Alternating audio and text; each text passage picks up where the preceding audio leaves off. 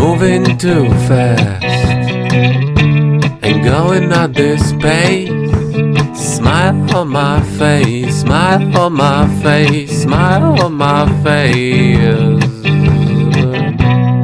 Moving too fast and going at this pace. Smile on my face, smile on my face, smile on my face. Yeah. Dzień dobry, dzień dobry. Pewnie znacie doskonale piosenkę, więc chodź pomaluj mój świat. Przez cały dzisiejszy dzień nucę ją sobie i aż zaczęłam się zastanawiać nad jej słowami. No bo faktycznie, gdy jesteśmy zakochani, to życie nabiera jakichś niesamowitych barw. Ja mam nawet wrażenie, że wszystkie nasze zmysły się wtedy wyostrzają, dlatego tak dobrze jesteśmy w stanie odtworzyć w pamięci poszczególne momenty powiązane z obiektem naszych uczuć. Na przykład doskonale pamiętamy nasze pierwsze randki, pierwszy pocałunek czy wypowiedziane na głos słowo kocham.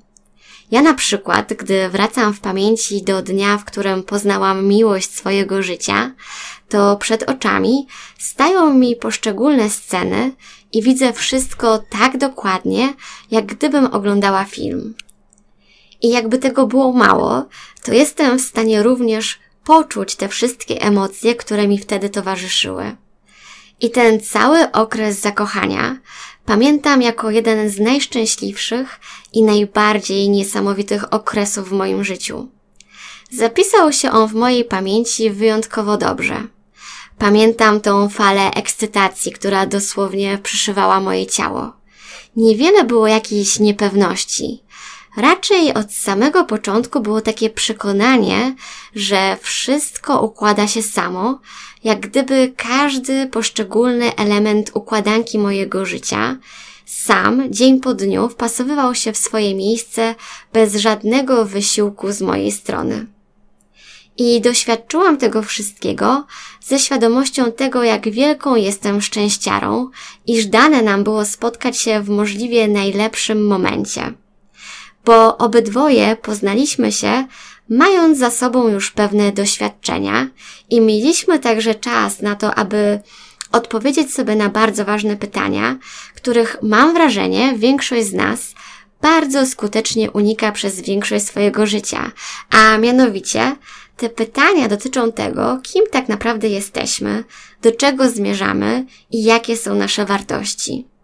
Obydwoje mieliśmy też pewne doświadczenia związane z chęcią uniknięcia bycia singlem, kosztem bycia w związku, który tak naprawdę nas unieszczęśliwia i odbiera nam radość życia. Na własnej skórze przekonałam się, co oznacza samotność, będąc w związku.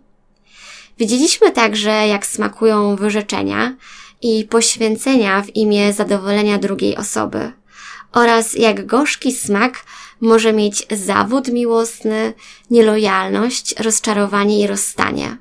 To są te rzeczy, których każdy z nas raczej stara się unikać, a emocje, które przeżywamy wtedy, są bardzo silne i często odbijają się także na naszym zdrowiu. Natomiast gdy się już je przeżyje, a rana na sercu stopniowo się zabliźnia, to można wreszcie otrzepać się i iść dalej. Ale dopiero wtedy, gdy przerobi się poszczególne etapy związane z żałobą po związku, można zacząć stopniowo otwierać się na nowy etap naszego życia, a powinno zacząć się go jednak w pojedynkę. Bez sensu jest na siłę szukać od razu następnego obiektu zakochania. Zamiast rzucać się na łeb i na szyję w kolejny związek, dobrze jest pobyć trochę samemu poznać lepiej siebie i zasmakować odrobinę samotności, bo wtedy każde kolejne zakochanie smakuje tylko lepiej i doświadczamy go o wiele bardziej świadomie.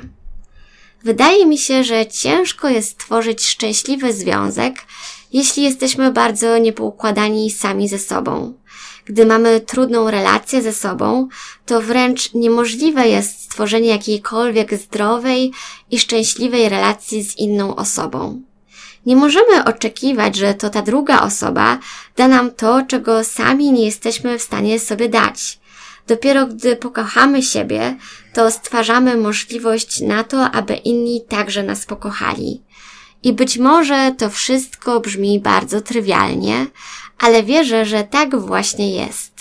Spotkałam wiele osób, które są nieszczęśliwe same ze sobą i wierzą, że jeśli w końcu dane im będzie spotkać miłość ich życia, to wszystkie ich problemy same się rozwiążą.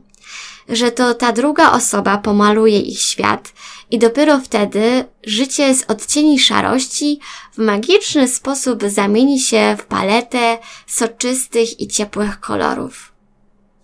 I czasami zdarza się, że na drodze ich życia pojawia się ten ktoś wyjątkowy, kto z dnia na dzień sprawia, że ich życie nabiera kolorów i szybszego tempa, ale po jakimś czasie okazuje się, że to jednak było za mało, aby stworzyć szczęśliwy związek na resztę życia lub choćby na długie lata.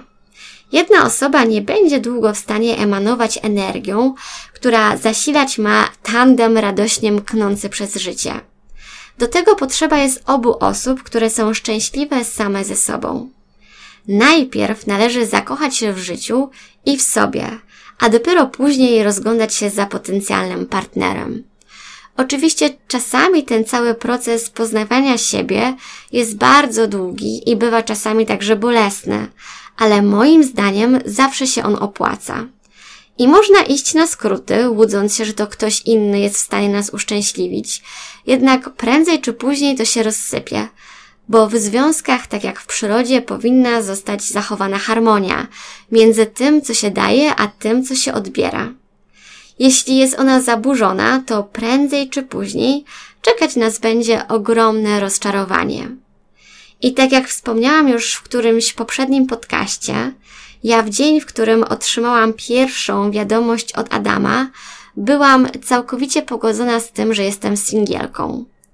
Pamiętam doskonale, jak poszłam tego dnia na długi spacer, usiadłam sobie pod drzewem i napisałam list do siebie samej. Zresztą wkleiłam go później do mojego pamiętnika. W tym liście pisałam o tym, że jest mi dobrze tak jak jest i że teraz chcę się skupić na sobie i na swoim rozwoju, a miłość pojawi się w odpowiednim momencie, wtedy, gdy będę na nią gotowa. Wróciłam tego dnia do domu i wieczorem w skrzynce czekała wiadomość od niego. Wiem, że brzmi to trochę naciąganie, ale tak właśnie było. Dlatego tak ważne jest dla mnie, aby być wdzięcznym za to, co mamy. To właśnie z tego uczucia rodzą się najpiękniejsze rzeczy.